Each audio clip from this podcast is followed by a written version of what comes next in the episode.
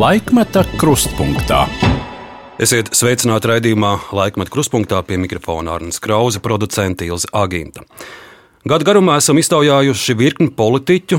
Tie visi ir bijuši Latvijas politikā gana pieredzējuši ļaudis - prezidenti, premjeri, ministri, deputāti. Taču neviens no viņiem nevar mēroties ar tādu politisko stāžu, kāds ir Jānim Urbanovičam. Kopš neatkarības atgūšanas viņš ir bijis deviņu saimu deputāts. Viņš ir vadījis politisko spēku, kur nosaukumi ir mainījušies, taču nemainīgi saskaņa bija vēlēšanu uzvarētājs un partiju reitingu līderis. 2011. gada 11. saimas vēlēšanās Jānis Urbanovičs saņēma visvairāk plusu no visiem politiķiem, kas kandidēja - gandrīz 50 tūkstošus. Pēdējās saimas vēlēšanās vien nepilni 6000 plusu un politiskās sagrāves saskaņa saimā neiekļūst. Par kāpieniem un kritieniem politikā, par latviešiem un krieviem, par komjaunatnes vadītāju karjeru un arī par tiem laikiem, kad gados ļoti jaunais Jānis Urbanovičs bija priekšzīmīgs Reizeknes 22. pārvietojamās mehanizētās kolonnas, jeb meliatoru darbu vadītājs ar inženiera hidrotehniķa augstskolas diplomu. Šodienas saruna ar Jānu Urbanoviču. Sveicināti! Sveiki! Nu, šī jums varētu būt tāda zīmīga nedēļa jūsu dzīves pieredzē. Jūs vairs neesat parlamentā, jūs vairs neesat aktīvajā politikā, un pēc nu pat aizvadītā saskaņas kongresa jūs neesat arī vairs partijas vadībā, vai pēc 30 gadiem aktīvajā politikā jūs tagad sākat sarast ar to, ka ir arī dzīve ārpus saimas, ārpus politikas. Ir un daudz labāka un brīnišķīga. Kādi jums bija tie, tās pirmās dienas, īpaši pēc tam, kad saimnes nams bija jāatstāj? Jo, ja 30 gadus tu ej uz vienu un to pašu darba vietu un kabinetu, un, un pēkšņi viss mainās. Uh, mani kolēģi uh, nu, neļaus sameloties. Viņi juta, redzēja, un es neslēpu, ka es nemaz nevēlos mēģināt laimi šajās saimnes vēlēšanās. Taču es arī negribēju traucēt. Un tāpēc es arī viņā piedalījos. Bet es piedalījos tik aktīvi kā stūmējs, kā citu, nu, citiem palīdzētājs, nevis vilcējs kādi, ko dara līderi, jā, kas arī pienākās teiksim, politiskajā procesā. Līderim jāuzņemās un jābūt visos televizoros, visur, visur, visur. Un, un, un par pārējiem balso, balsojot par līderi. Es šādā ziņā biju ļoti neizdevīgs priekš saskaņas līderis, jo es negribēju būt vairs par saimnes deputātu. Un tāpēc šis brīdis, kāds man ir tagad, viņš man nav nu, teiksim, negaidīts. Viņš man ir gaidīts. Un e, es esmu sen pelnījis šo brīvību, jo es gribu jums un citiem, kas politikā varbūt e, nesimpatizē man vai maniem vārdiem, kādreiz teiktiem, vai tagad, ko es teikšu. Demokrātija ir viena brīnišķīga lieta. Ot, es, jā, viņai ir trūkumi, bet viņai ir brīnišķīga lieta, ko es tagad ļoti labi izjūtu. Saprotiet, ka ilgus gadus vadi cilvēkus, kuri no tevis nu, nav atkarīgi tu no viņiem. Jā, jo tu viņiem nemaksā algu, tu, tev visu laiku jāpierunā, un, un viņi paliek slinkāki, protams. Jā, un tev arī liekas, ka tu jau tāpat visu zini, neiet, nav ko tur vairs iedziļināties. Un vienā brīdī tu zaudē vēlēšanas, un tu esi brīvs. Tu esi brīvs no tām atkarībām, ko nes katrs cilvēks. Es ciest nevaru konfliktus. Man, es līdz pēdējiem ciešos, pirms šķiros ar kādu kolēģi vai izsaku savas. Eh, ne, domās un vārdos es nekad neesmu bijis izvēlīgs un, un nebremzēju. Bet, teiksim, kaut kādā šķiršanās, teiksim, pasākumā es to daru vēl līdz pēdējiem. Bet, tāpēc man, ir, man tagad es, šo, es, es esmu neatkarīgs. Es izbaudu to. Man, man ļoti patīk tas stāvoklis, kad no nu, manis nav atkarīgs. Es varu nu, neuztraukties. Un es izmantošu šo iespēju neuztraukties, un nekādā gadījumā ar padomiem vai ar kritiku es netraucēšu. Man ir tādā ziņā eh, forši. Es ceru arī, ka es drīz priekš saviem radiem un draugiem nebūšu politiski ietekmīga eh, persona, lai, lai viņiem netraucētu viņu dzīvē. Jāni, pirms desmit gadiem jums Latvijas valsts drošības iestādes atteica pielaidi valsts noslēpumam. Šo lēmumu apstiprināja arī toreizējais ģenerālprokurors Kalmējers. Viņš teica, ir kaut kas šajā laikā noticis tāds, kas viņam liedz saņemt pielaidi, kura iepriekš bija izsniegta. Tā ir viela pārdomām viņam. Kādēļ Latvijas valsts pirms desmit gadiem jūs atzina par tādu, kuram nevar uzticēt savus noslēpumus, tātad savu drošību? Redziet, es to konkrēto pārmetumu es zinu, un es viņu neapstrīdu, jo mēs tiešām bijām tādi nu, atbrīvoti un pieņēmām piedāvājumu no, no, no tādiem starptautiskajiem tiem, kas, nu, konsultantiem, politiskajiem PR, kas gribēja mūs pamācīt. Man vienmēr bijis politikā interesanti mācīties no labākajiem. Un mēs šo pakalpojumu pieņēmām neilgi. Paspējām arī šķirties vēl pirms mani sodīja ar neusticību. Tad tur bija stāsts par kādiem nevēlamiem kontaktiem ar kādiem? Es domāju, tie bija šie kontakti un metodes. Viņas uh, Cit, citās valstīs viņas joprojām tiek uh, darītas. Tā skaitā, lielā skaitā rietumu valstu šie kolēģi no Bet tie politiskie konsultanti, konsultanti no rietumiem no, vai no austrumiem? No, no grupas Nikola M, mm -hmm. kur vadība ir nāk no Gruzijas, bet tur ir strādā arī ASV un, un Vācijas. Viņi ir strādājuši pārsvarā, teiksim tā, maksāt spējīgās demokrātijās, ja, kur sacensībā piedalās arī nauda. Un viņi gribēja ieiet šajā tirgu, viņi man tā arī teica, teica, mēs neko te nevaram. Mēs gribam pamācīties, iepazīt šo jauno austrumācijas, austrumu piedošanu no Eiropas tirgu. Un es domāju, nu, kāpēc ne? Un tā. tā bija kļūda. Es par to samaksāju. Nu, katrs uh, demokrātiskā valstī, katrs cilvēks ir, ir, tiesi, ir tiesības katram cilvēkam uz taisnīgu sodu. Es viņu saņēmu. Bet pirms tam daudzu gadu garumā jūs bijāt pie galda, kur, uz kura tika likti arī ļoti slepeni valsts noslēpumi. Nesatiku. Nesatiku. Nacionālās drošības. Komisija. Nesatiku noslēpumus. Nu, nesatiku. Jā, bet es to, to biju vai nu redzējis televizorā, vai lasījis avīzēs, vai kaut kur citur, eh, to, ko mēs tur eh, darījām. Nepaveicās man. Es to vaicāju tādā ziņā, ka bija arī laiks, kad jums, jums uzticēja uh, svarīgas slepenas ziņas, jūs varējāt piedalīties Nē, arī šajās sanāksmēs? Es nevaru jums, jums piekrist, vai man uzticēja vai neuzticēja. Tas ir cits jautājums. Tas, ka es biju tajā komisijā, tas neko nenozīmē attiecībā uz uzticēšanos vai neuzticēšanos. Tā ir tāda spēle.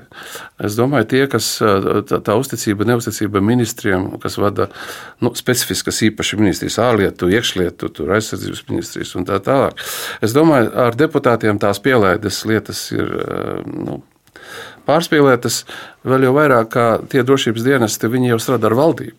Jā. Ar valdību un vadību. Jā, un tu, ierindis deputāts, pat ja tu esi koalīcijas deputāts, tu netiec pie tiem noslēpumiem, un tev arī nu, nav jātiek pie viņiem. Jā.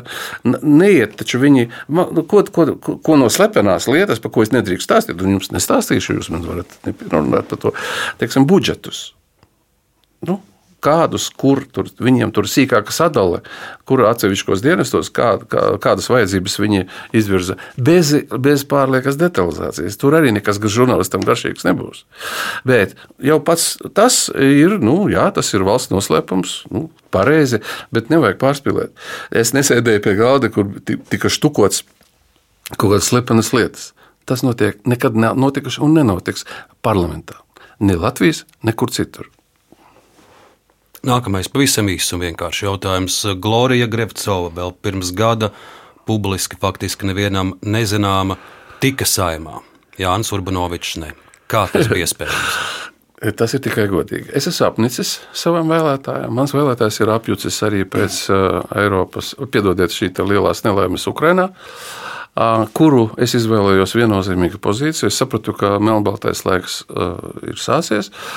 Es nevaru būt pa vidu, es nevaru izvēlēties kaut kādus, bet tāpēc es agri 24. rītā, dodoties uz plenārsēdi, Zvans Stiltis tos trīs teikumus uzrakstīju.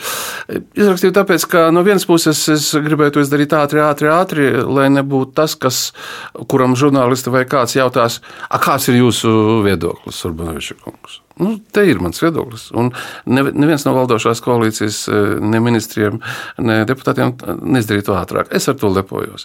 Otrs iemesls arī bija daudz praktiskāks. Es zināju, kāda man ir valde kurā būtu jāapspriež šādi nu, svarīgi paziņojumi. Es baidījos, ka tās debates ievilktos. Man liekas, tas nepieņemami. Viņu dēļ es uzņēmu šo risku. Tāpēc arī mani ienīda, mani nolādēja, mani bijušie atbalstītāji. Sākās iešana projām.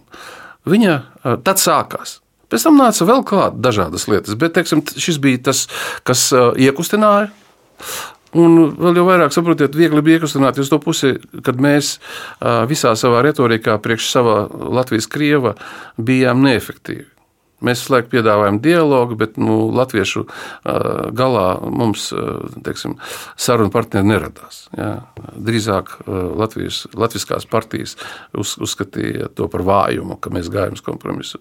Nu, Ja, nu, ne, efektīvi mēs nebijām. Mēģinājām un centāmies, jā, bet efektīvi nē.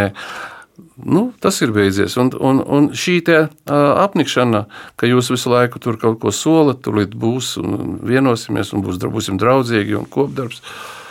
Tas apnīk cilvēkiem. Un arī fizionomiski. Ja. Nu, es jūtu šo apnikumu, es viņus ļoti labi saprotu, tos cilvēkus. Un tad nāca jauni, drosmīgi. Nav svarīgi, vai viņi, viņiem noticēja, vai tā ir uh, Glorija Grifcova, vai tas ir uh, uh, Rostlikovs, vai vēl kādi citi. Ja. Viņi runāja drosmīgi, domāju, nu, jā, nu, iespējams, ka viņi tur neko daudz neizdarīs, bet vismaz viņiem ir duka. Esiet nevis par šitiem, kuri tur gulšņā. Bet varbūt jums vismaz TikTokā vajadzēja savu kontu atvērt. Jau, jau tas varbūt jau būtu. Jūs smieties, es to teicu saviem kolēģiem. Jūs tādi smuki, viedi, jums katram ir, jūs katrs esat partija. Nu, ejiet. Nu, tagad, tagad sāk iet daudzi no tiem, kas izkrita cauri. Atcīm redzot, šī neveiksme ir ļoti liela veiksme. Mums tagad, mūsu daudzie politiķi no saskaņas, tagad nu, izpleš pārnus. Ir ok. Es nē, jo jūs, es tikko izstāstīju, kāds man bija tas dzīves e, mērķis.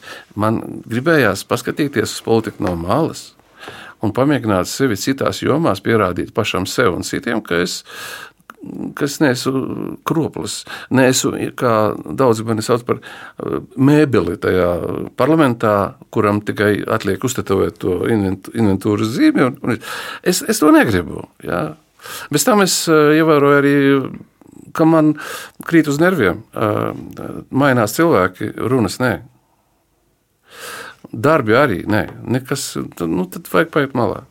Lai nāk tie, kas tic, es sāku vienu brīdi neticēt, ka Latvijā parlamentārisms ir spējīgs uh, vadīt procesus Latvijā. Jūs pieminējāt šo savu paziņojumu 24. februāra rītā, un es eh, klausītājiem šodien arī gribu viņu nocitēt, jo tas varbūt tie ir viena no jūsu politiķa karjerā tādiem svarīgākajiem vai izšķirīgākajiem vārdiem, paziņojumiem, kurus jūs esat teicis, un patiesi ap eh, desmitiem no rīta, kad vēl daudzi tā sauktie latviešu politiķi vēl tik domāju, ko teikt un kā teikt, un dažiem pagāja, es skatījos sociālajos tīklos nevienu stundas, bet dienas, lai izdomātu, kā, kā reaģēt. Jūs patiesi pāris stundas pēc kara sākuma sakiet šādus vārdus. Mūsdienu Krievijas vara ir apzināti izvēlējusies sākt karu Eiropā. Ar ieročiem vērsties pret saviem brāļiem un māsām Ukrajinā. Veselais saprāts nav uzvarējis. Ceru, ka Ukraiņas tautai pietiks spēka aizstāvēt savu zemi un savus cilvēkus. Es sagaidu, ka visa Eiropa vienot un bez vilcināšanās nostāsies kopā Ukrainas atbalstam.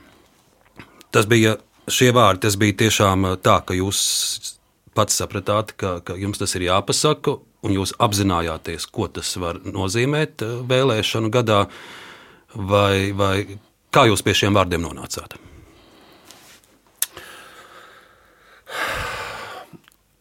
Nu, tā nav vienīgā reize, kad es uh, sev uzsveru uz pleca. Bet um, es jau teicu, es. Nu, nesapņoju par uh, politiskās karjeras turpināšanu. Es vienkārši godīgi pildīju uh, savus deputātu pienākumus. un nesapņoju viņus turpināt pēc jaunām vēlēšanām. Es tādā ziņā varbūt biju nu, brīvāks par citiem. Bet tajā brīdī, pašā sākumā, kad es sāku formulēt ja, un diktēt to sekretārei, es, es vispār ne par ko nedomāju. Man bija skaidrs, ka tas jāizdara saimē. Tas jāizdara un tālāk tur vienkārši jāizdara. Es tagad varu paskaidrot, kāpēc es biju tāds. Bet uh, toreiz nebija. Man vienkārši jāizdara un viss. Nav par ko. Pie kam jāizdara man. Jo es esmu tas, kas iemiesoja staigājošs simbols tautu draudzībai, vēlmei veidot maksimāli iespējami labās attiecības ar Krieviju. Es 20 gadus vadīju tādu domnīcu, Baltijas fórums, kur brauca no, no rietumiem, no visiem, bet Krievu delegācija bija vienmēr, kas savā starpā varbūt nesveicinājās, kur mēs laiku mēģinājām būt kur, lietas kursā, kas notiek tur tajā Krievijā, kas tur notiek. Visu. Tas bija ar mērķi Uh, nu, nu, es teicu, es gribēju būt labas. Ne tāpēc, ka es tur ļoti gribēju palikt, patikt Krievijas krieviem. Vienkārši tāpēc, ka blakus liels kaimiņš, milzīga tautsēmnieciska govs, kurā mēs blakus esam, kur mēs varam visu pārdot, no visu nopirkt, kas mums nepieciešams, priekšstāvā ražot to, ko visu pārdot, un tā tālāk. Bet pie šī paziņojuma vēl paliekot, kāda bija jūsu tuvāko kolēģu pirmā reakcija to uzzinot? Nu, man interesē, piemēram, kā reaģēja jūsu kolēģi Elksniņš vai Bartaševičs vai, vai Nils Ušakovs. Noteikti kaut kāda reakcija no viņiem bija. Vai nu bija atbalstoša, vai nebija? No kuriem nebija reakcijas? Ziniet, es esmu sev pateicis, es netraucēšu partijai, es nedošu viņiem padomus. Katrā ziņā neuzbāzīšos, un katrā ziņā nepubliski nu, jābūt korektiem. Es, es zinu, cik viņiem tagad ir viegli. Bet es arī nejokoju. Viņiem tagad ir vieglāk nekā tad, ja mēs būtu tikuši saimā ar kādu mazāku skaitu turpinātos šis piedošanas, slinkošanas laiks un tās patērēšanas, politiskās patērēšanas laiks. Es negribu, lai tas, tas, tas citiem ir ja, sen pierasts, un citi pie tā pieradīs. Es negribēju, lai saskaņa nomirtu tādā lēnā nāvē. Labāk šis stress. Un, un, jā, nu, cilvēki bija apjukuši. Ja? Pēc tam sākās šī atplūde. Vēlāk, pēc mēneša, diviem, trim, kad aizgāja reitingi uz leju, Kad aizgāja vēlētājs prom, teiksim, nodaļu brigadieri aizgāja ar visām nodaļām. Tad sākās šī te, nu, diezgan tāda nu, nervozā meklēšanās, ko darīt, kā, kā man te būtu. Pēdējo vēlēšanu rezultāti Daugopilī saskaņai 17%, atbalsts stabilitātei 26%, jūs dzimtajā Reizeknē saskaņai 12%, stabilitātei gandrīz divreiz vairāk - 22%, vai Elksniņš un Bartaševičs pēc šiem rezultātiem saprata, ka viņiem ir jāiet nu, par tādu nosacītu uh, Rosļakova un Grevcovas TikTok ceļu, lai, lai saglabātu savu varu, varu pilsētā. Jautājiet viņiem. Jautājiet viņiem, redziet, te ir viena liela atšķirība par atbildību. Katrā ziņā es esmu runājis ar vienu ar otru. Vēl tad, kad tikai sākās šī nu, apzināšana situācijas, pers, teiksim, nākotnes apceres un tā tālāk. Nu, te ir atšķirīga pieeja, kas ir godīgi pret vēlētāju. Es piekrītu tajā daļā, kur, viņiem, kur, kur viņi abi ir stingri pozīcijās, ka kritērijs ir pareizi saprast, ko grib no tevis vēlētājs un sekot tam. Jā, miera laikos. Jā. Bet arī miera laikos ir ļoti svarīgi būt atbildīgam tos, to priekšā, kas te uztic. Tu neesi nu, tā, viens no viņiem, tu esi viņu izvirzīts, piedodiet, pacelts, lai redzētu tālāk lai saprastu to laukumu un darīt, nedarīt to, ko bieži vien šodien vēlētājs grib, bet tas var viņam kaitēt.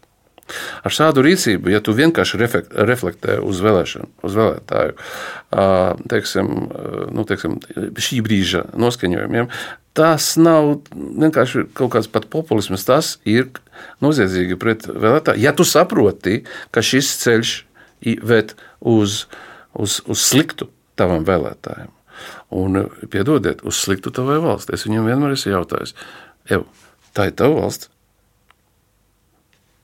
Sāksim ar to. Vai, vai tā ir tava valsts? Tas nenozīmē, ka viņai tāpat kā ģimenei tur. Bet, ja tā nav tava valsts, ko tu dari šeit, šajā politikā?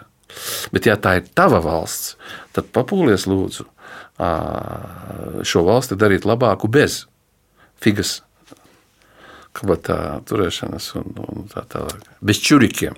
Es nezinu, tie ir čuriki vai, vai piga kabatā, bet Elksiņa izteikumi par to, ka Krīma nav Ukrainas vai Bartaševiča izteikumi, kas bija arī publiski atskaņoti, ka mums vajag izvairīties šo konfliktu saukt par karu un ka ir jābūt neitrāliem un vispār iespējams Krievija var arī uzvarēt. Kam, kam šie čuriki ir domāti? Tie mēģinājumi patikt tā brīža noskaņojumiem, kas pie viņiem ir. Redziet, es dzīvoju blakus pie Rezeknes.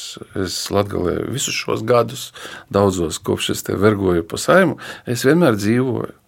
Nu, visbiežāk sestdien, svētdien, jā, tur es to visu zinu. Tādi noskaņojumi tur ir. Par viņiem es varu ilgi stāstīt, bet diez vai tas būs jums interesanti. Jo jums, es redzu, daudz jautājumu man ir. Bet man bija interesanti, es, šo, es šonadēļ no... klausījos jūsu um, interviju arī šeit kolēģiem Latvijas Rādio 4. Iespējams, Latvijas Rādio 1 jūs to nestāstīt, bet man, man palika tāda frāze prātā no jūsu intervijas, kur jūs teicāt, ka saskaņas vēlētājs ļoti uh, pārdzīvo un raizējas par to, kas notiek Krievijā. Nav pat varbūt svarīgi, vai tur Kremlī ir Putins vai kāds cits, bet uh, ka, ka saskaņas vēlētājiem ir svarīgi.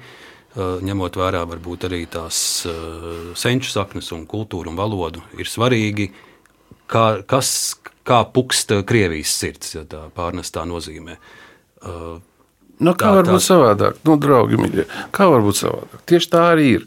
Bet es atkārtošu tad latviešu to, ko teicu, un tur bija doma drusku savādāk. Redziet, viņam sāp tas, un uzskata, ka visi citi, ja?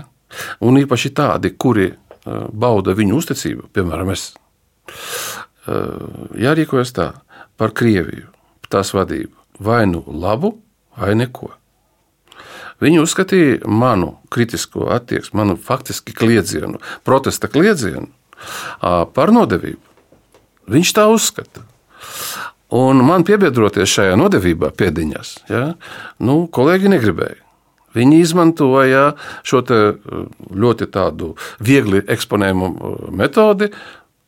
Būt neitrāliem. Vēlētāja griba ir likums priekšpolitiķa. Es jums tikko stāstīju, kā, kādam jābūt manā skatījumā politikam un kāds es gribētu izskatīties. Bet kas attiecās tālāk, redziet, Andrēs Elksniņš, nu, viņš tajās krustveida debatē Delfos, nu, viņš tur apmaldījās jur, ju, starptautiskajās tiesībās un Ukraiņas geogrāfijā. Bet ticiet man, viņš diezgan ātri atmaldījās atpakaļ. Ja? Viņš atmaldījās atpakaļ un uh, paldies uh, ārlietu ministram Rinkevičkungam, kurš nu, izdarīja viņam tādu piespēli, ja? nu, tādu, ka nu, gan jau būs labi. Tikai nu, nevajag šo atkārtoties un tiražēt. Un, teiksim tā, šobrīd Elksniņš ir glābts glābts no, no tādas nu, aušības eh, paviršības. Kā viņš darīs? Viņš tagad izvēlējies ceļu būt uh, tikai un vienīgi ar Daugopiliešiem, bez atkarības no tā, ko Rīgas saskaņa tur vēl sadarīs vai sarunās. Es uzskatu, ka viņš pareizi rīkojas. Jā. Es domāju, ka pēc kāda laika viņš atnāks pie manām patiesībām. Bet es negribu viņam spiest tās patiesības, un arī Daugopilieši. Kas attiecas par Rezeknes mēru Aleksandru. Nu, viņš, viņš izvēlējās agresīvāku taktiku. Viņš uzskata, ka mums jācīnās par mieru, mums vajag pieprasīt mieru, mums nedrīkst atbalstīt karu nekādā veidā. Mums vajag ieturēt, es viņam jautāju, vai stāties no NATO, viņš ir neutralitāti un garantijas, drošības garantijas no visiem kaimiņiem. Nu, skaidrs, ka ja NATO valsts politiķis grib neutralitāti, tas nozīmē. Nu, Bet nu, mums arī skaidrs, ka Reizekne nekad nebūs Šveice. Ja, kāpēc ne? Es domāju, ka būs. Būs vēl labāk. Kāpēc? Tur viss ir. Tur ir geniāli cilvēki, laba daba un uh, ideāls geogrāfiskais stāvoklis. Perspektīvā. Jā, tur var būt Šveice, kāpēc ne? Es jums to šito to nekādu nevaru piekrist. Un tur ir ļoti uh, spītīgi uh, latgalieši. Ja? Un, uh, un es starp viņiem, mēs zinām, kā. Uh, kā vajag un, un, un, un kā, kā kopā strādāt. Nē, viņš izvēlējās eksploatēt, es domāju, teiksim, nākošo vēlēšanu sakarā. Tāpēc bija tādas skaistas runas pie pieminekļa dienu pirms viņa. Tā tā, viņš, Kuras ļoti plaši arī viņš gatavo, parādīja Krievijas jā, jā, propagandas jā, jā, kanālu. Jā, nu, protams, tur joprojām skatās tos televizorus. Un, un, un saprotiet, un arī teiksim, tās visas tālākās teiksim, savas ekspozīcijas, jā, kuras viņš nu, piedāvāja, viņas ir vērstas uz to, ka skatieties, ko es teicu 20, 2022. 23. gadā, kad būs 25. gada vēlēšanas. Es to saprotu, bet viņš ir pāršās pa strīpu, kurā vairs nebija iespējams sagrābt, pat, pat, padarīt to tikai par viedokļu maiņu.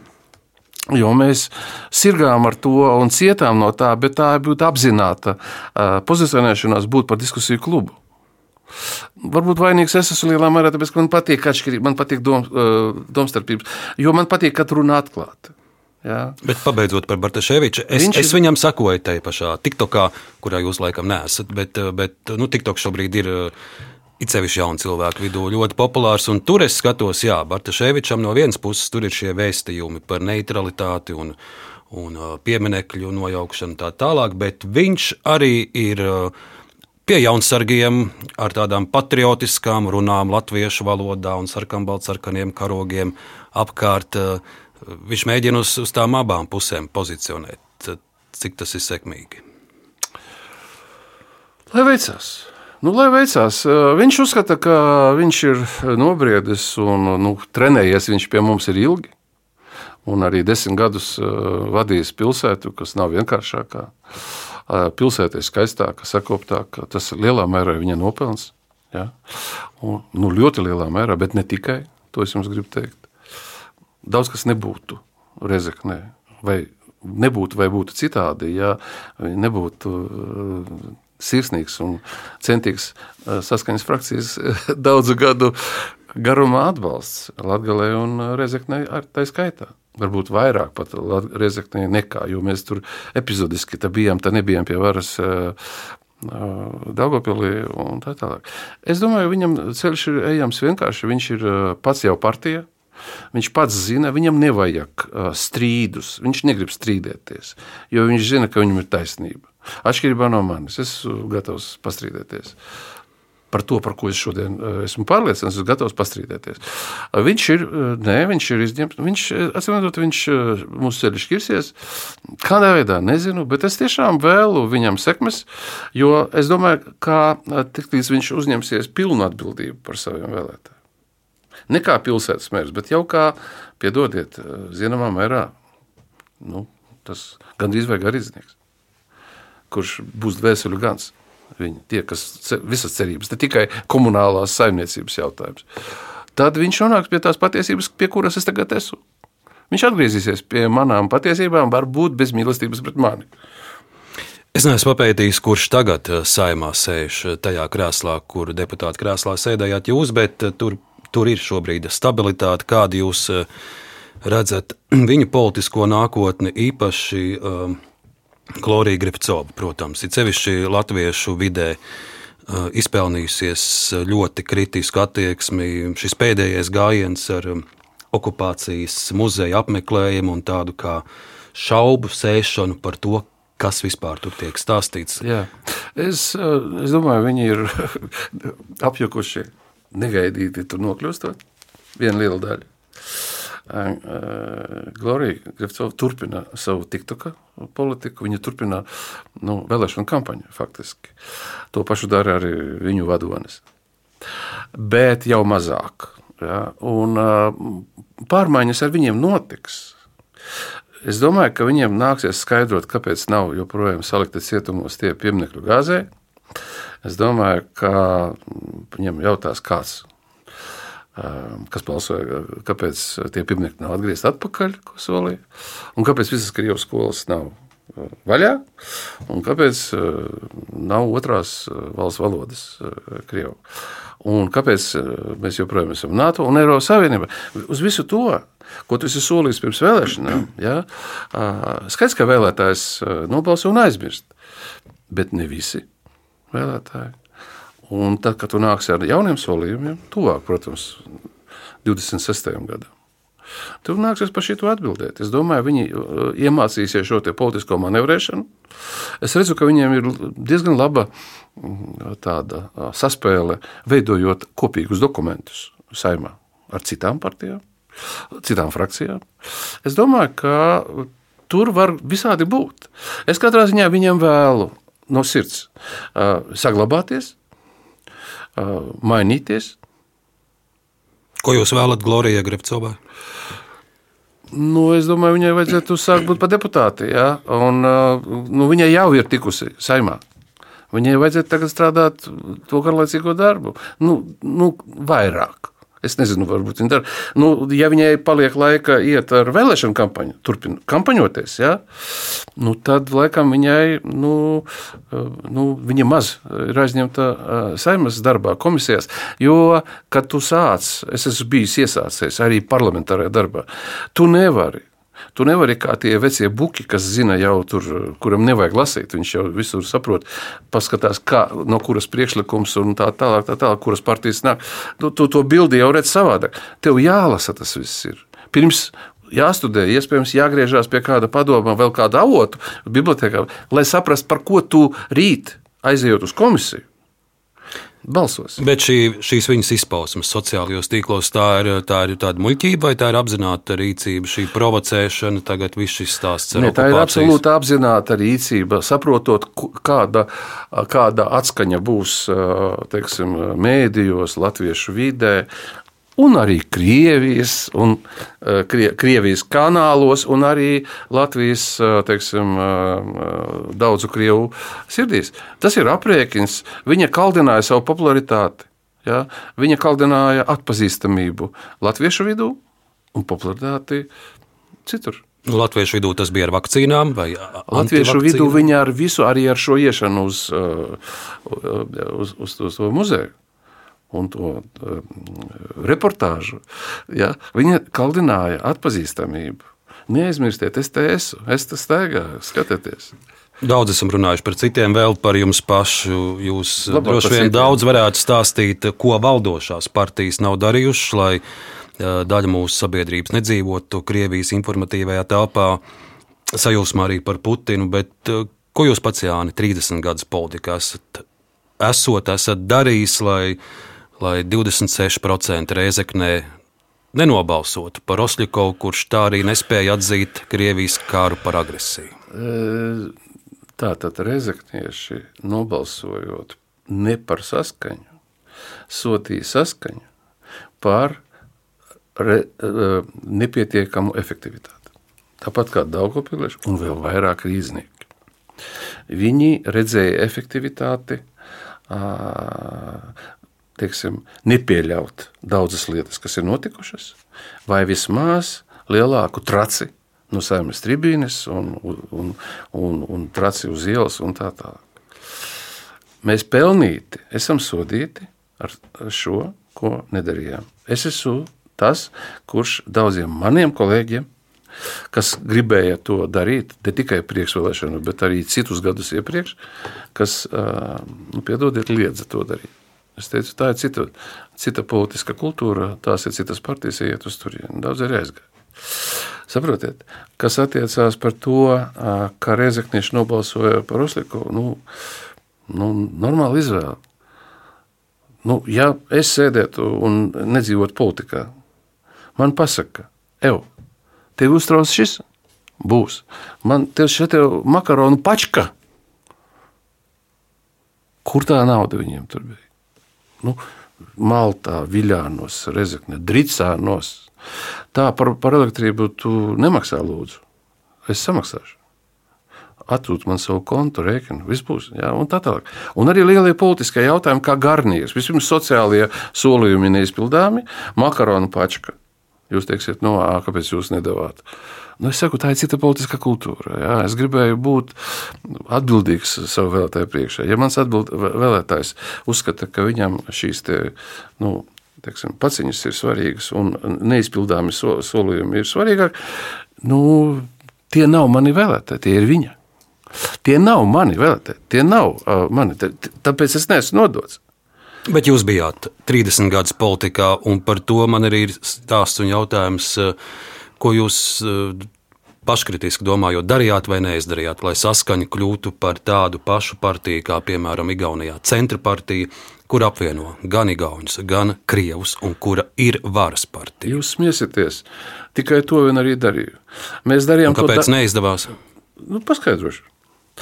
Mēs atšķiramies no Igauniem lielā mērā. Igauni ir daudz racionālāki. Tieši Igauni. Es nerunāju par Igaunijas krievi. Viņi ir racionālāki. Un tāpēc eh, Edgars Savisārām izdevās. Ja? Plus vēl tas, ka viņš bija eh, viens svarīgs tautas fronts līderis, kurš šī autoritāte viņam nāca līdzi tajos darbos. Tas faktiski varētu būt nu, tiksim, analogs nosacīti. Es nezinu, kāds no tautas, latviskā gala tautas fronts līderiem. Es negribu nevienu apvainot, nosaukt, bet man ir prātā uzreiz dažas frizūras vai daži, teiksim, ja, teiksim, kas, kas uzņemto šo te vienojošo lomu, tāda neatradās. Jurkānam arī nesanāca. Un es arī atsaucos uz Jurkāna šo gājienu, domājot tieši to darīt. Ja? Tālāk, teiksim, saprotiet, kad saskaņa nav valdībā, tā nav tikai saskaņas vaina un problēma. Saskaņai kaut kādai, bez, bez, bez, bez, bez, bez manis, bez, bez daudziem citiem, bet saskaņai kā tādai, kā tādai pozīcijai, ar tādu pozīciju partijai, sen vajadzētu tur būt. Un, un, un tas būtu noticis tikai tad, ja Latvija ieņemtu integrācijas kursu. Latvijas valdības nav uh, nodarbojušās ar vienotas uh, tautas veidošanu. Sākumā traucēja privatizācija, labumu pārdale, pēc tam tās kļuva par izdevīgu metodi, un tā mēs iegājām. Latvijas kājā galā neradās valsts vīrs vai sieva, kas nu, gribēja šo dialogu uzturēt, ja? kuriem varbūt būtu pretenzijas pie mums, un mēs meklējam tādus. Mums tas, tas ir garš stāsts. Mēs tur gājām, tāpēc ir šlesers, ir, ir daudz kas tur, kur mēs gājām, kā saka, partija pret partiju. Nevis pret, bet uz. Tad bija uh, cits ceļš, kad šis negāja, tad mēs implantējām, nu, kā mums likās, tie, kas bija gatavi, viedi latvieši. Ja? Sarakstos. Mēs viņus aicinājām un, un domājām, nu, izaugt paši tādi. Neizdevās. Es, es saprotiet, es, man nav ko sev pārmest. Vienīgi varbūt talanta trūkuma. Cits varbūt to izdarītu labāk. Es darīju, kā varēju. Jūs darījāt, kā varējāt. Es eh, šeit iztaujāju pie šī paša mikrofona pirms kāda laika bijušo premjeru Rīgas mēra Andriu Bērziņu. Mēs runājam arī par saskaņas eh, neveiksmēm. Eh, viņš teica, ka viņš vienmēr ir brīnījies, kādēļ Jānis Urbanovičs pats nemaz nevēlas to varu paņemt un pamēģināt būt varā. Viņš esot jums teicis, Jāni, nu kaut vai pamēģini.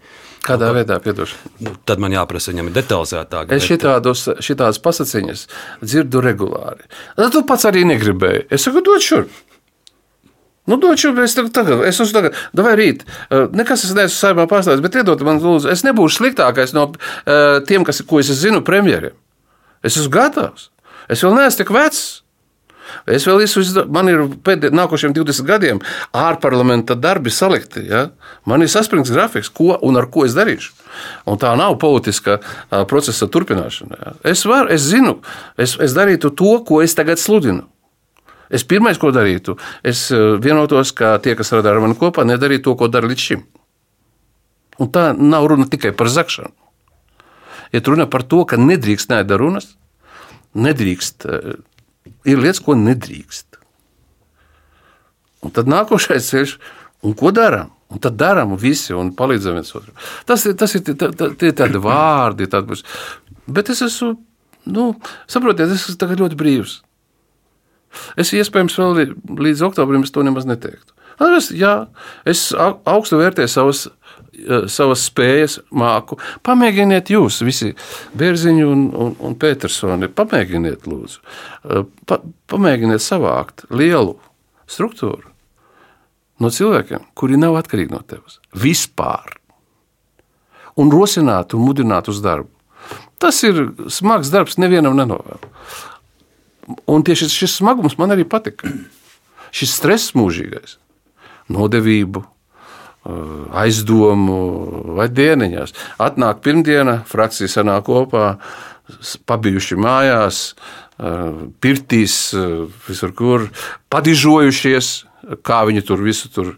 Un tad skatos, jau acīs ir kaut kāda problēma, aizdomēna. Nu, stāsti, stāsti, kādas pretenzijas ir pret mani. Tas ir grūti, bet tas ir neizbēgami. Tas ir normāls demokrātijas garoza. Jo daudzi uzskata, ka būt un, un vadīt cilvēkus ir baigi forši. Komandēt, komandēt forši, vadīt nē. Jā, jūs pieminējāt vārdus smags darbs. Nav jau arī tā, ka visu savu darbu mūžu jūs būtu sēdējis vien kabinetos. Un, un lielākos vai mazākos priekšnieku krēslos ir bijis laika posms, kad jūs patiesi esat arī vārdu tiešā nozīmē darījis smagu, smagu darbu, un tas ir bijis meliātora darbs.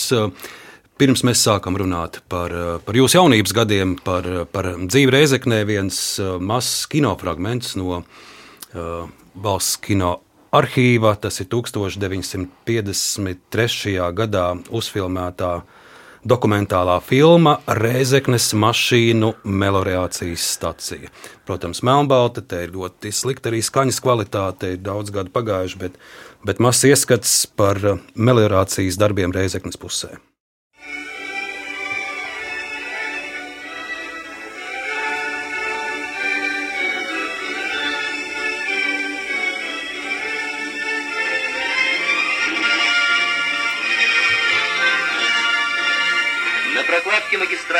Канала работает лучший машинист экскаватора Владислав Урбанович.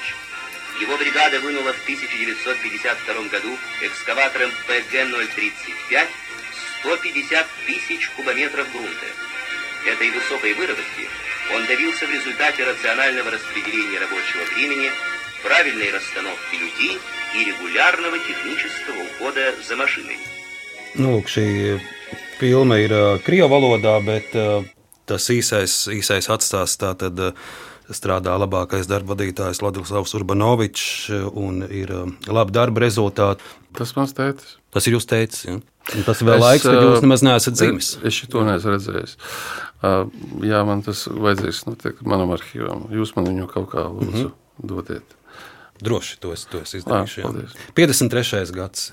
Vai no tēva arī tā jūsu interese par, par pirmo profesiju, melirāciju? Tētim bija liela ģimene. Mēs piedzimām seši, četri izdzīvoja. Tas bija tāds vēl, nu, jau labs laiks pēc kara, bet tomēr 60. gadi arī nebija, kad mana agrīnā bērnība bija viegli. Un es, jā, es aizgāju viņa pēdās, bet nevis studējot, bet es aizgāju, viņš mani Viņš bija, nu, piedodiet, tagad teiktu, darba varonis. Viņš tiešām strādāja, lai pabarotu to ģimeni. Tie bija trūcīgi laiki. Un viņš, es, es tiku darbā 12 gados. Toreiz varēja dabūt kādus teiksim, darbus no 16.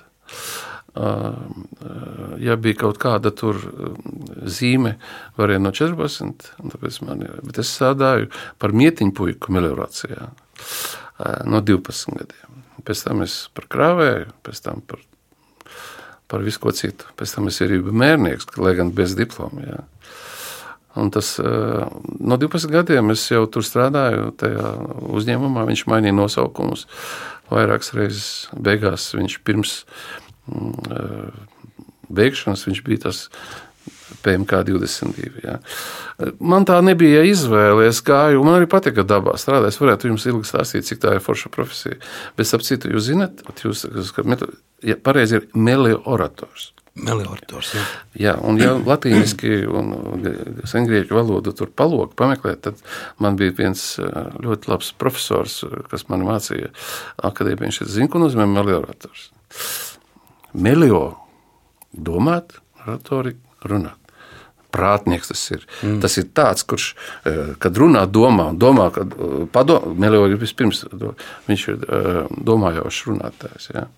Tas tā ir interesanti. Tā bija tā ir ļoti vērtīga profesija, kur ir mirusi. Noziegums ir izdarīts ar Latvijas zemi, nepareizi apsaimniekot to, kas tika zemē, tie miljoni, kas impērijas laikā tika ierakti. Daudz kas ir aizgājis neatgriezniski. Šie plūdi, kas ir un tā tālāk, tas ir sekas šai muļķībai un bezatbildībai. Varbūt kāds dzirdēs, lauksaimnieki, vai es ne, ne, pat ne lauksaimniecības ministrijā, pat liktu tieslietu ministrijā, izveidot struktūru vai iekšlietu, kas sekot līdzi tām meliorācijas sistēmām, lai nebūtu traģēdijas ar plūdiem ne tur, ne šur, un lai, lai nevajadzētu apdrošināt zemniekiem saimniecības un, un, un katru pavasari ka, pētīt sekas savai bezdarbībai. Es to runāju, es esmu liels patriots meliorācijai. Meliorācija ir priekš lauksaimnieciski ražojošas zemes, ir svarīgākā no nozarēm. Bet jā, nu pienāk brīdis, kad no meliorācijas darbiem un dubļiem jūs nokļūstat darba kabinetā. Pirmā publikācija, kur es redzu arhīvā, kur jūs esat pieminēts, ir 1984. gads Reizeknes laikraksts Znamja Trudā. Pavisam īss raksts. Iepazīstieties Jānis Urbanovičs. Rajona komitejas plānums no Komjaunatnes rajona komitejas pirmā sekretāra pienākumiem atbrīvojas biedrus Sorokinu sakarā ar pāriešanu par pilsētas prokuroru vietnieku, un par rajona komitejas pirmo sekretāru ievēlēts Jānis Urbanovičs pēc lauksaimniecības akadēmijas absolvēšanas strādāja 22. PMK, ir PSKP biedra kandidāts. Nu, šī ir pirmā informācija presē, kas par jums ir publicēta. De 84. gads, jums tad 25 gadi. Kā jūs nokļuvāt komjaunatnē un uzreiz arī tādā vadošā amatā? Es kādā jūsu stāstā esmu dzirdējis, ka jums rajona partijas pirmais sekretārs, nu, toreiz krievalodā teica, dva goda armīļi, tri goda kamsamoļi. Tad divi gadi armijā vai trīs komjaunatnes darbā, un jūs izvēlējāties otro. Ja? Jā, es biju jauns un skaists. Un, uh, man darbs patika, es viņu pratu. Es pelnīju pēc tiem laikiem šausmīgu naudu. Šausmīgi lielu naudu pie algām, kas bija tur. Mācīju strādāt modernās tehnoloģijas, darba vadīšanā. Toreiz viņi saucās Lobina projektu, un tā tā. Tas nav svarīgi. Tās bija metodes, kad bija tas saimnieciskais aprēķins. Un tur bija, varēja mainīt projektu, padarot viņu ātrāk realizējumu, lētāku un ietaupītais laiks un nauda. Varēja aiziet prēmijās ne tikai darba vadītājiem, bet arī tiem, kas darba darītājiem. Man šis darbs patika. Es bieži sapņos redzu to. Es Bet tad var... kādēļ nokļuvāt komunitē? Es jums izstāstīšu, kas pats labākais. Tu saņem projektu, atbrauc uz, uz lauka, uz, uz vietu, iepazīsties tur ar attiecīgā kolhoza vai padomju saimniecības vadītāju, vai aizbrauc ar viņa agronomiem, pasties to čūsku laistu, tā tālāk. Tu, jā, es par to fotografēju priekš sevis. Un pēc kāda laika, tu pēc pusgada, gada atbrauc un tur redzi, kas tur ir izdarīts. Un ainava vienlaicīgi tiek veidota ainava. Meliorācija nav drenu caurumu ilgšana zemē. Tā nav tikai grāvju rakšana.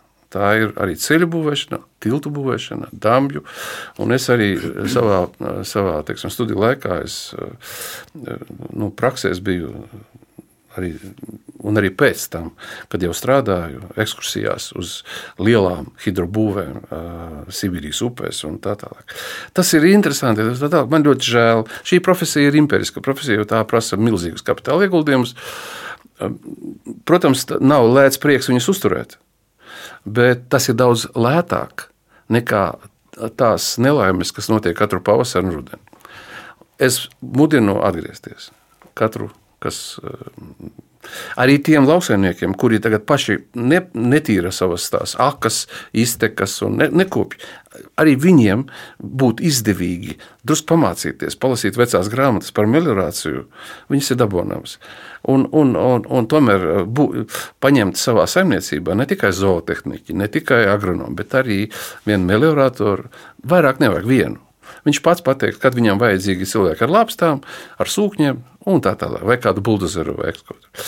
Bet, jā, jā, jā, es negribēju braukt uz Afganistānu. À, tas bija Afganistāns. Es negribēju braukt uz Afganistānu, jo es biju, kā jau augstskolu beidzis, biju lietnāts. Un mums bija kara katedra. Katru trīs gadus, katru trešdienu mēs gājām uz Huntu, kā toreiz teica, jā, uz Vajenku. Mēs tur apvilkām attīstības mundierus un gājām, marš, nu, nemaršējām, bet gājām uh, klasēs un uh, uz ierina, uz kazarmām. Tas bija, un beigās pie Igaunijas trīs mēnešus uh, atpūtušies, pēc augstskolas beigšanas dabūjām šo pakāpi. Un es biju, nu, man bija skaidrs, ka es eh, nebūšu te kaut kur tuvumā, ādažos. Ļoti negribējās. Nu, negribējās karot. Un komjaunatne bija veids, kā nenokļūt Afganistānā. Tas bija, man bija maz izvēles iespējas. Jā. Eh, tas bija laiks, kad, kad tagad daudzi nesaprot. Jūs noteikti nesaprotat. Jūs domājat, ka jums bija izvēle. Man nebija izvēle. Es pat nepaspēju dot atbildi ko es darīšu. Es otrā rītā aizgāju uz uh, dispečeru. Man bija jāizcīna, ko man at, lai atvedu, lai kādus trubus, kādus uh, tur, uh, un, un ko man vajag. Man uzreiz ģenerāli, uh, tas, uh, es viņu par ģenerāli saucām, um, galvenais ir, ko tu dari? Karjerists. Prom no šejienes. Tavus papīrus mēs jau aizsūtījām. Nebija nekādas izvēles. Tas tā. Tas ir, tāds, tas, tas ir smags stāsts. Nekāda izvēle nebija. Paliksim vēl pie 1984. gada. Pirmā lielā intervija jau Republikas presē, laikraksts Padomu jaunatne un arī neliels citāts. No jūs teiktā, nepatīk man tie jaunie ļaudis, slepnie promskrējēji, kur labāk Rīgā pažobelē dzīvos nekā paliks savā pusē. Tāpēc jau ir svarīgi pēc iespējas agrāk radīt interesi par mūsu novadu, par veterāniem, kas mums ikdienā blakus, par mūsu keramiķiem, par latgales lielisko dabu. To visu ir jāiemācās saprast, cienīt un galvenais mīlēt. Tādi jūsu vārdi. Es sekoju šiem saviem vārdiem, nesu nevienu brīdi pametis Latviju, dzīvoju tur. Vēl viens mazs citāts arī no 86. gada arī padomu jaunatne. Jūs, jums ir šādi vārdi. Līdz šim mēs te neko nebijām mēģinājuši grozīt, tāpēc aplam būtu tagad zudīties, ka jaunieši ir pierastībā un ikdienībā iesīkstējuši. Vai mēs tie, kam būtu jāzina, maz zinām viņu intereses un vajadzības, vai komjaunatnes komitejā nopietni esam strādājuši, lai veidotu bagātākas rajona jauniešu ārpus darba laika stundas, un te jūs minat dažus faktus, ka piemēram rajonā ir 37 klubi un kultūras nami, bet tikai 9 jauniešu deju kolektīvi, ir tikai divi kultūras darbinieki ar augstāko izglītību. Nu, tāda, tāda paškritika te izskan arī skatos. Nu, nē, nē, jūsu komjauniešu paškritika, bet par to, ka, ka, nē, ka daudz vairāk ir, jauniešu labā jādara. Nē, šo komplimentu es nepieņemu. Tā bija kritika, tas bija uzbrauciens uz citiem, tas, tas bija liela vaļība. Tas nebija paškritika, jo es to ietekmēt nevaru. Varbūt, lai precīzi to citātu, jūs sakat, pat lopkopībā situācija ar kadriem ir labāka nekā jauniešu kultūras dzīves un ārpus darba laika nodrošināšanā. Nu. Tā ir tā doma šeit. Nu, jā, nu, e, tā ir kritika. Es, man nepatīk tas stāvoklis, kādā es nonācu pie e, jaunu ļaužu vadīšanas. es atnācu uz komiteju, tā man bija iepazīšanās ar komuniju. Es gribu teikt, ka man nācās eh, tādu abata noziegumu, man vajadzēja iegūt biedra karti. Jo augstskolā es, eh, man tāda sakara ar šo organizāciju nebija. Vidusskolā jā, absolvējot. Bet, teiksim, Jelgavā es nepiebiedrojos pie reģistra. Mm -hmm. jā, tā tālāk. Bet man to biedru karti vajadzēja. Un, jā, nu, tajā laikā daudz kas notika tāds kur, kur teiksim, patiesi vārdi un nepatiesa rīcība. Bet, kas attiecas par šo, nu, jā, nu, bet nekas jau arī nu, nav traks. Jā, es tur teicu, gribēju, man, kāpēc? Man gribējās kaut ko pēc, nu, izdarīt. Nu, Man gribējās kaut ko teikt, o, to es izdarīju. Ja? Es varēju kaut ko darīt, eh, teiksim, izlaukumus celt lopkopībā vai, vai graudu ražu. Nu, nē, es varēju, nu, teiksim, brīvo laiku kaut kā padarīt interesantāku. Nu, un, tad, eh, un tas arī laiks bija, kad mira komjona. Ja? Mira partija, un ne, partija tā tur vēl cīnījās, bet komjonatē viss jau bija skaidrs, un jaunieši uz sapulcēm negāja. Pie tās komjaunatnes miršanas mēs vēl nokļūsim. Tūlņās arī es, es izlasīju tiešām virkni publikāciju ar jums par jums 80. gadu vidus, kā par Reizeknas komjauniešu pirmo sekretāru.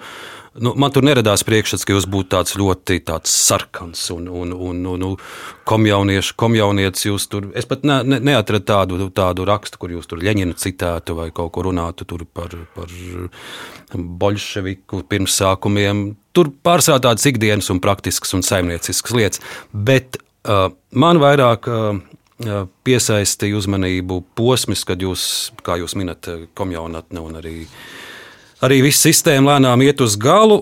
Tādēļ es varbūt no šī laika gribētu tātad 80. gadu beigas pāris jūsu skaidrojums vai, vai komentārus. Nu, šeit es paņēmu laikrakstā padomu jaunatne. 89. gada 16. marta stāsts notiek komjaunatnes sestais plēnums, Tātad 89. gada 16. marts. Jau ir dibināta Tautas fronte. Jānis Vagris jau ir nomainījis Boris Pugo, jau var droši izkārt sarkanbaltsarkano karogu, var pirmoreiz droši pulcēties 18. novembrī pie brīvības pieminiekļa, un neviens netiek aizturēts. Ir pat Roko Perlāčplēs jau izskanējusi, un pat uh, Miss Rīga konkurss pirmais noticis. Ko darīja Centrālā komiteja? Bet, taisīs, starp citu. Jā, bet uh, šeit es izlasu jūsu runu Jāni 89. gada tātad 16. marta komjauniešu plēnumā, un tajā nav ne zilbe ne vārda, es no sākuma līdz beigām izlasīju, ne par atmodas kustību, ne par ne vārdi Latvijas neatkarība, uh, nekas no tā. Ja? Es te mazs citāts, um, piemēram, lai, lai, lai ieskats ir. Komisija uzskata, ka priekšlikumi likvidēt komjonatni kā organizāciju, kas savu laiku nodzīvojuši, šobrīd neatbilst reālajai situācijai. Galvenais aspekts pat labāk Nec Latvijā, nec Padomju Savienībā nav citas jaunatnes organizācijas, kas objektīvi spētu paust jaunatnes intereses un aizstāvēt tās tiesības, kaut vai tik daudz, kā to darām mēs komjaunatnē. Mans garais jautājums par to. Ir 89. gada pavasaris, ir sākusies atmoda, ir sācies pavasaris Latvijā. Jūs esat pirmais komjaunietis valstī, bet ne vārda par tiem procesiem, kas ir sākušies. Jā, paklausieties. Es jums varbūt drusku garāk, bet ne īpaši gari. Jā, centīšos. Es zinu, kā nepatīk cilvēkiem gari, gari monologi, bet te jūs uzdevāt tādu jautājumu, kuru man ir ko teikt. Vispirms, es biju ne tikai galvenais komjaunietis Latvijā, es biju arī visu komjauniešu viens no galvenajiem visā padomjā. Jā. Un es jau, un, un citi tur gribēja visur, braukt ekskursijās, un, protams, uz rietumiem, jo tur var atbraukt, nopirkt kādu uh, agregātu uh, no iemainītiem rubļiem uz, uz naudu un tā tālāk, un skatīties rietumus un, un priecāties par to servisu. Es izbraukāju visu Vidusāziju un Kaukāzu. Es redzēju jau 88. un 9. gadā, kas tur sākās. Es, man nebija ilūzija par PSRS sabrukumu, ne mazākā mērā. Es gribu atgādināt tiem, kas nezina, vai ir, dzim, vai ir aizmirsuši, tie ir tādi veci kā es. Vai arī kā jūs nekad, nevar, nekad nezinātu. Es gribu atklāt, kad, kad sākās šī te, nu, globālie PSRS demokratizācijas procesi. Ja, Gorbačova laikā. Tad bija tāds projekts Jūrmala Četokva dialogu platforma. Tur galvenie organizatori bija mana centrālā komiteja. Jā, jā, jā. Un Berklava stāsti, nu, tikšanās ar cilvēkiem notika mūsu mājā, kuru organizēja mūsu aktīvisti no Centrālās komitejas. Meža parka, ko jūs sakat par vegra, vagra runu mm -hmm. un tā tālāk, ja? un arī krastmalas notikumi. Ja? par garaspēku un tādā. Mēs visur piedalījāmies. Visi tie jaunie cilvēki, kas strādāja kombinācijā, viņi nestrādāja kombinācijā, viņi strādāja Latvijai. Man tā vienmēr bijis. Mums bija iespēja. Un es prasīju, ko darīt. Tā kā mēs devām uh, labvakaram uh, to prēmiju komunitnes. Nu, nieka 2000. Bet tam, tas nebija nieks cīņā pret, piedodiet, Rubiku un citiem.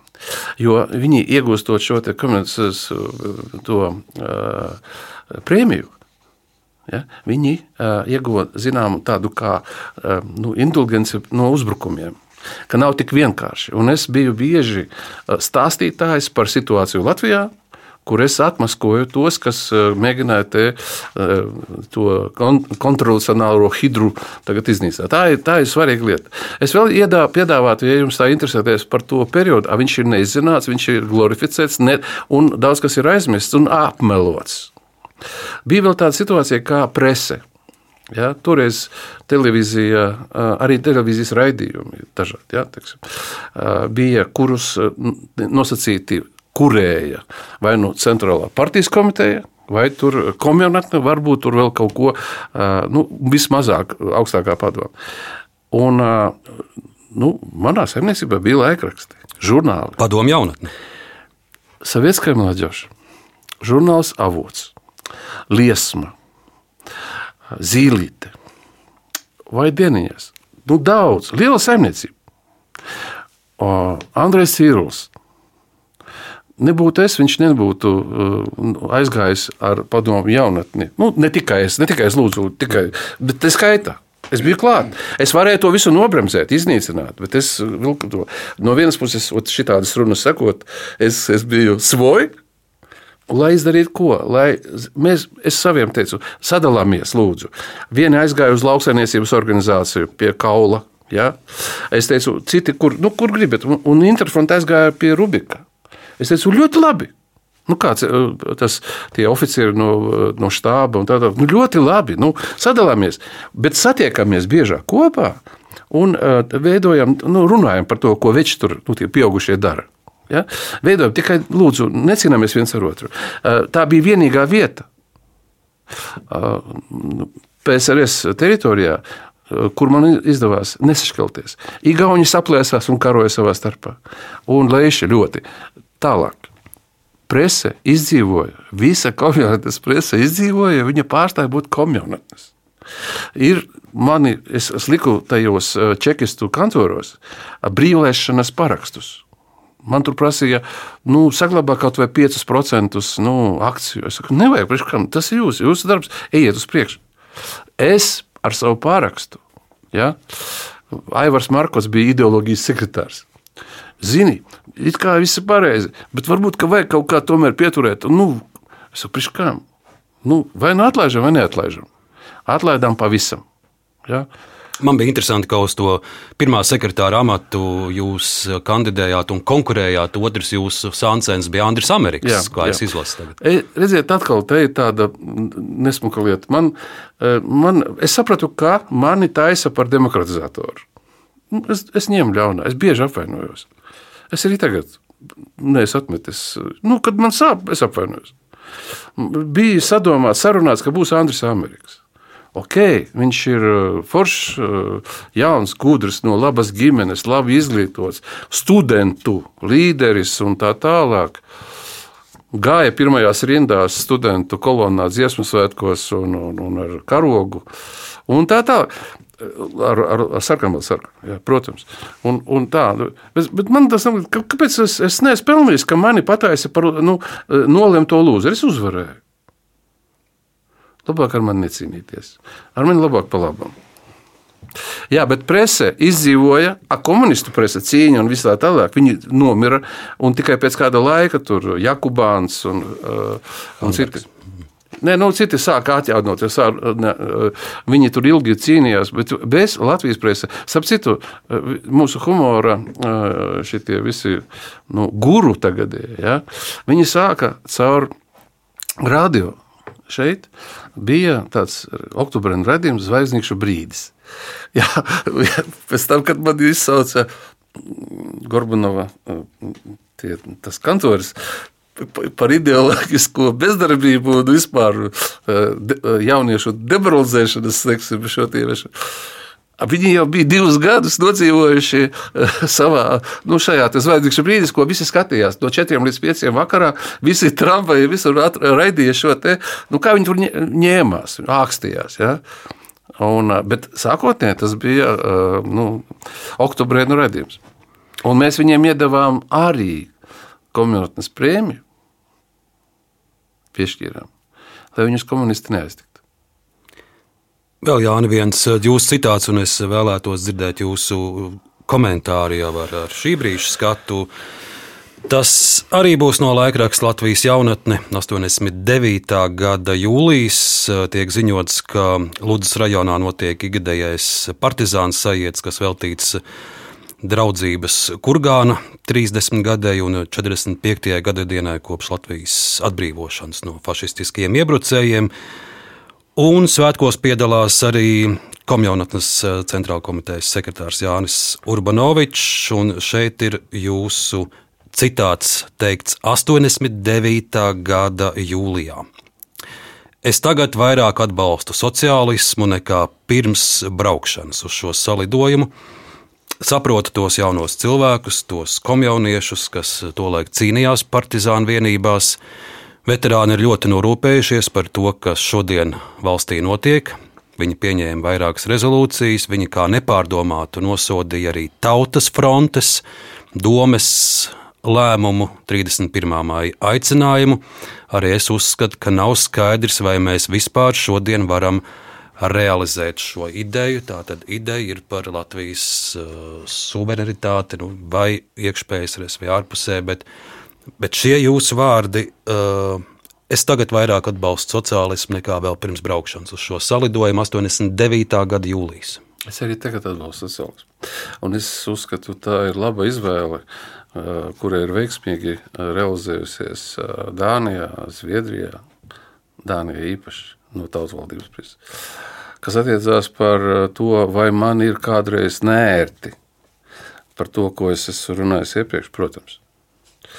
Es... Es, es nevēlos, lai jums tāda būtu nērta, bet tas, ko es arī lasot šīs publikācijas, ko es mēģinu saprast, un šī man ir iespēja jums pavaicāt, kādēļ nekur es neredzu no, no jūsu teiktā šos vārdus - Latvijas neatkarība vai, vai pašnoteikšanās. Es... Vai, Jā. Es viņu vārdus atmodu. Vispār tādi jūsu Jā, leksikā tādi tur nav. Pagaidiet, es biju bieži ciemiņš Vecpilsētas ielā.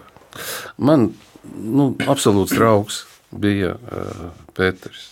Lakis. Uh, nu, jā, viņš ir mans skolotājs. Jā. Es ar viņu strīdējos, gāju ciemos pie viņa. Un tā tālāk. Es uh, gribēju, un, un, un, un man bija šaubas. Es zināju, ka notiek pārmaiņas, un es gribēju, lai viņas notiek labi. Un, nu, teiksim, tā, bez ekscesiem. Es baidījos no Krievijas, no PSRS militārās varas, jo es viņu zināju.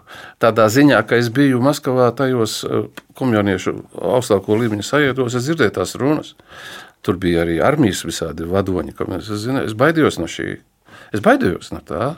Nu, ne, ne tik daudz par sevi, Nu, varbūt arī par sevi, bet es baidījos, ka es negribu, lai te tas notiktu, tās asinis. Tāpēc, ka es biju Karabahā, es biju Sungaitā, es biju Baku, es biju Vidusāzijas tajā, tajos notikumos, kur Kirgīzi ar Kazahiem, kas ir būtībā viena tauta, viena valoda, viena reliģija, viss viens, kā viņi, nu, Jūs baidījāties no tā, ka Latvija varētu kļūt neatkarīga? Es, un... Nē, es baidījos. Ne, saprotiet, tas vispār nebija no 88. gada jautājums.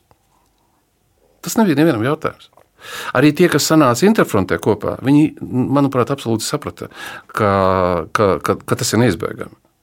Katrā ziņā es ar viņiem arī runāju. Viņi saka, tas ir neizbēgami. Viņi toreiz tikai teica, ka mēs gribam, lai būtu šis te uh, sajūzni dogovor. Ja? Nu, ka, teiksim, mēs esam neatkarīgi, bet mēs esam vienalga kaut kādā, nu, tā kā NVS, neatkarīgo valsts. Tā bija ilūzija.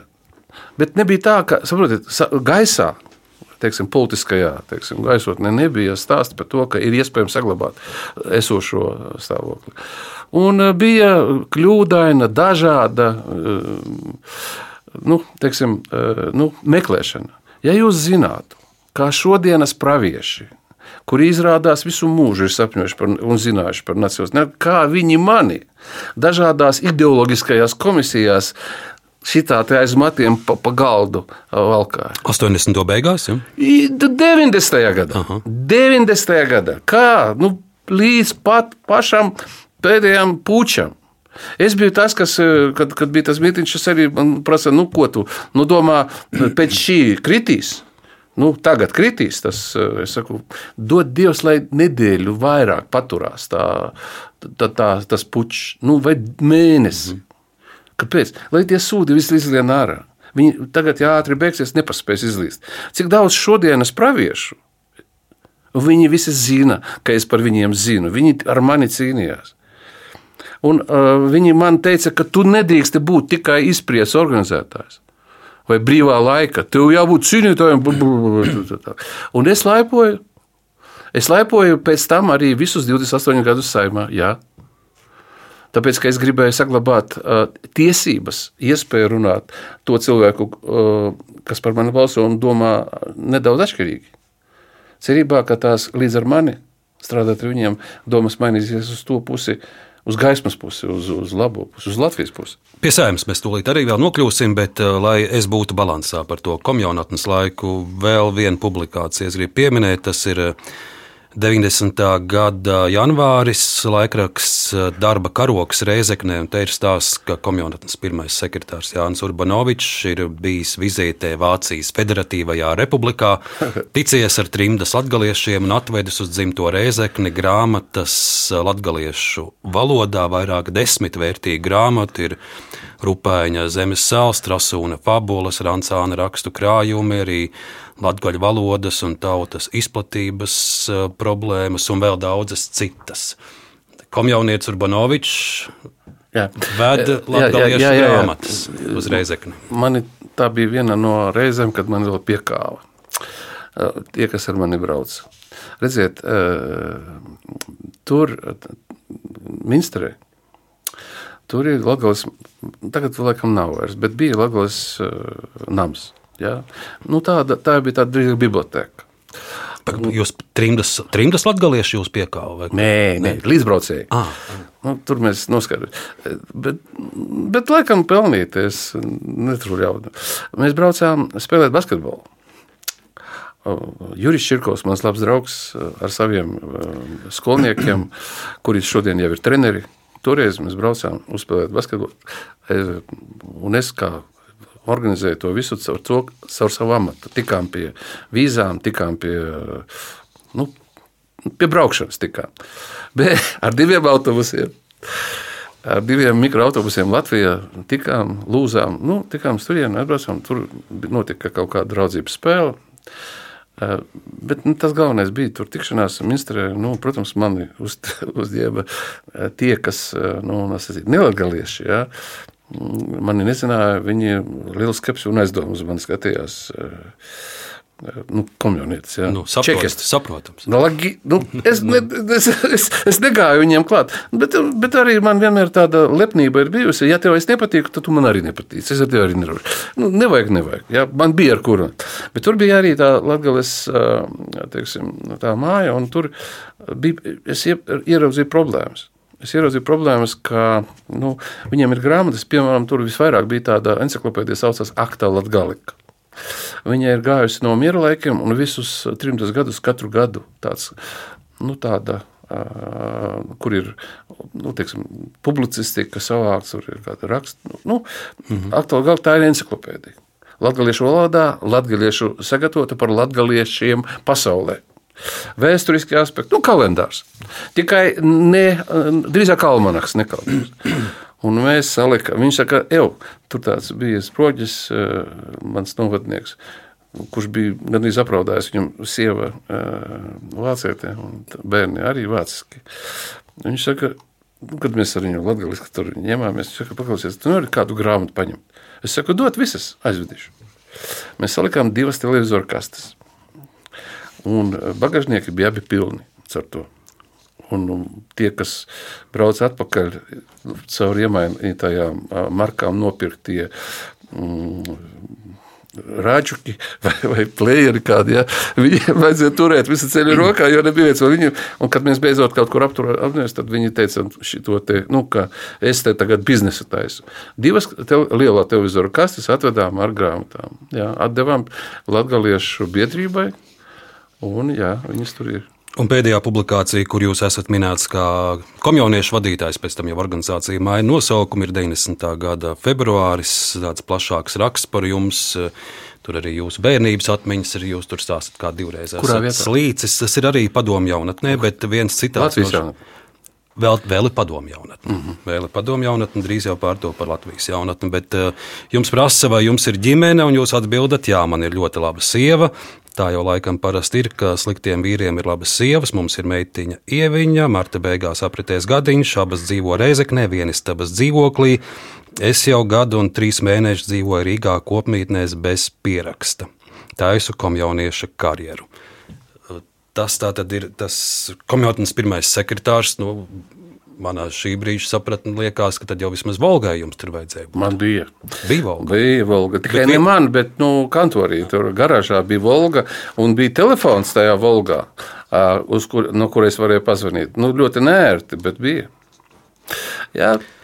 Bet tātad komjonatnes pirmais sekretārs dzīvo vienistabas dzīvoklī Rēzeknē. Tagad, Jāni, nu, tā var ticēt no šī, šī raksta, Man bija prātā virkne fragmentus nospēlēt, bet mēs tik daudz par tiem 80. norunājām, ka es laiku taupīšu, un, un šie fragmenti, lai paliek citai reizei, īsi mani jautājumi un, un, un īsi jūsu atbildes jau par laika posmu.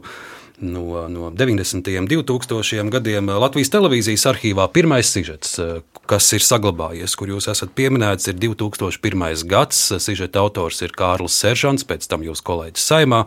Un, ja reiz par to vienistabas dzīvokli Reizeknē, tad šeit ir stāsts par to, ka saimnes deputāts no Tautas saskaņas partijas Jānis Urbanovičs, kura ienākumi pērn bija 12,000, iespējams saistīts ar aptuveni 300 tūkstošu latu vērta īpašuma celtniecību netālu no Reizeknas stāsts aizdomas par mājas būvniecību, ar ko šis stāsts beidzās, jo Kārlis Seržants saka, ka ka viņš pēc gada brauks un pārbaudīs, jā. kas tur ir to māju noticis. Vai Jānis Urbanovičs viņā dzīvo? Jā, jā, dzīvo, dzīvo. Brauca ne tikai, vai viņš brauca, nezinu, bet daudzi brauca pirms un pēc. Padomju laikā, vēl strādājot, eh, esot eh, strādājot par komunieti nu, eh, Latvijā, es jau ieliku pamatus un sāku būvēt to māju. Bartaševiča, Aleksandra Tēvs, Anatolijas bija SCO priekšnieks, es biju meliorācijas priekšnieks. Mēs izlīdzējām viens otram. Tāpēc... Bet, tur laikam stāsta, ka jūs negribējāt es, uz savu vārdu. Nē, ne, diemžēl nē. Es tieši uz savu vārdu. Ja? Un būvēju, un, un, un, un būvējos 300. Nu, labi, 300. Ja kāds man gatavs samaksās 300, es tagad pārdošu. Ņemiet. Bet, nu, nu, tas nav svarīgi. Es, esmu, no tā, es saprotu, ka par to nevajag cīnīties. Ja? Mani pārbaudīja visi iespējamie dienesti un darīja to regulāri. Nevis vienreiz uz visiem laikiem, bet regulāri. Un par es neapvainos mašīnām un džipiem. Jā, jā, jā vis, es esmu attaisnots no viņu, no ieņēmumu dienesta, no visiem esmu attaisnots, bet no nelabvēliem es nekad tās nebūšu. Es būvēju to ilgi, desmit gadus, un uh, es varētu vēl viņu būvēt. Pavisam īsi vēl pāris jautājumu par, par politiku saskaņā, saskaņas centrā. Jūs pieņemat arī Alfredu Rubiku un Jāni Adamsonu pirms vienām vēlēšanām, vai ar tagadējo skatu raugoties, toreiz tas bija pareizs lēmums, bet īsi. Toreiz tas bija pareizs lēmums. Toreiz mēs cīnījāmies par izdzīvošanu, par palikšanu pie iespējām. Tas bija pareizi. Pēc tam daudz kas mainījās. Manā viņu uzvedībā. Nu, jūs visu zināt, ja? un tāpēc arī nu, notika tas, kas notika.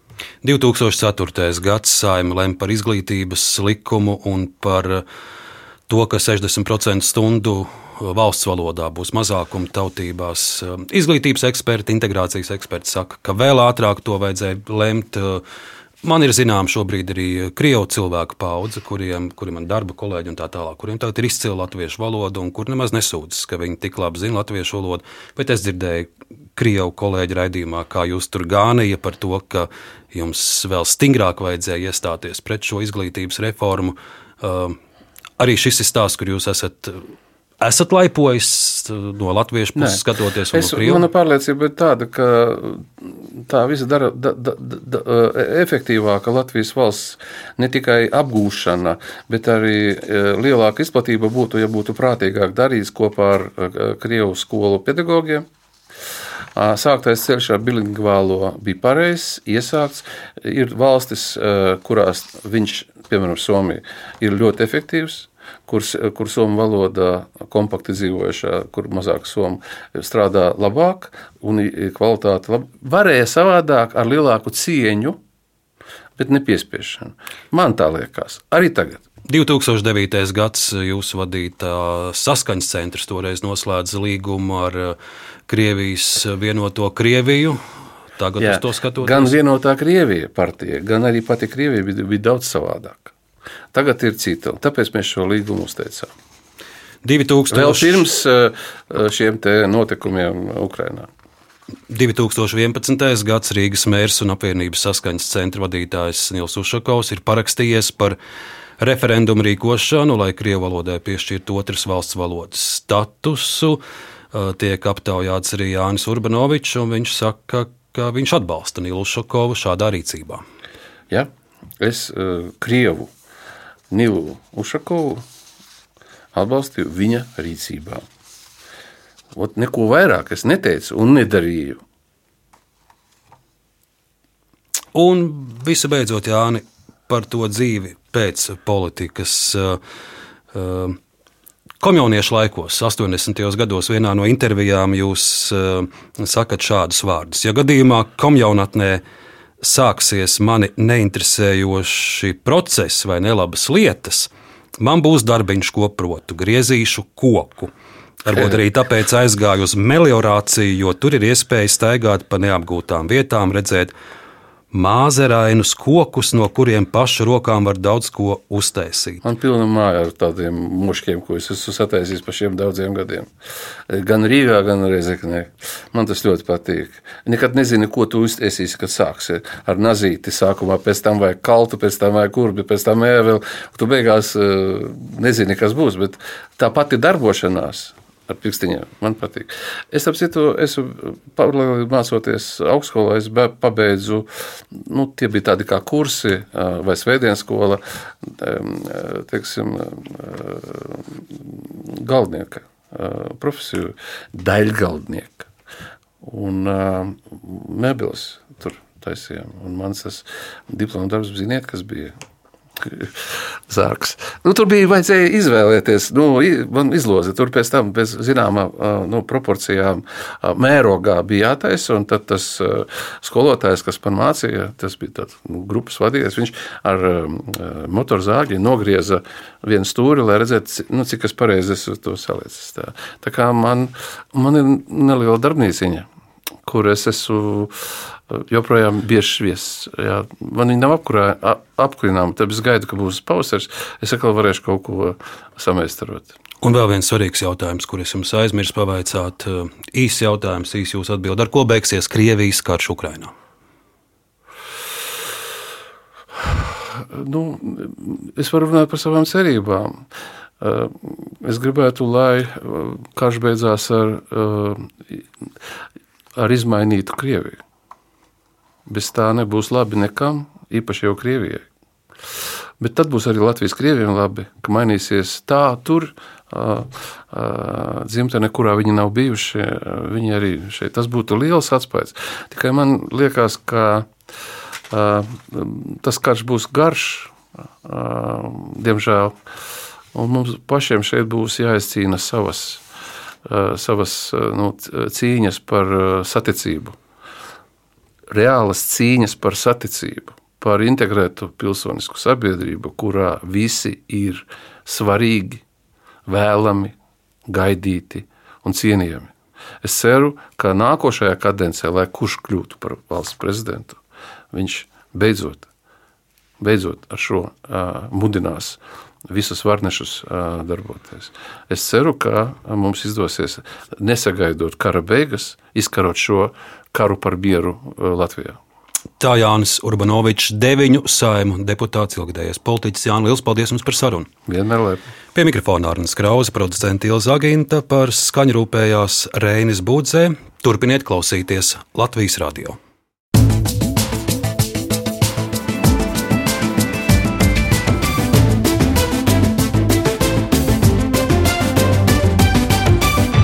Laikmeta krustpunktā.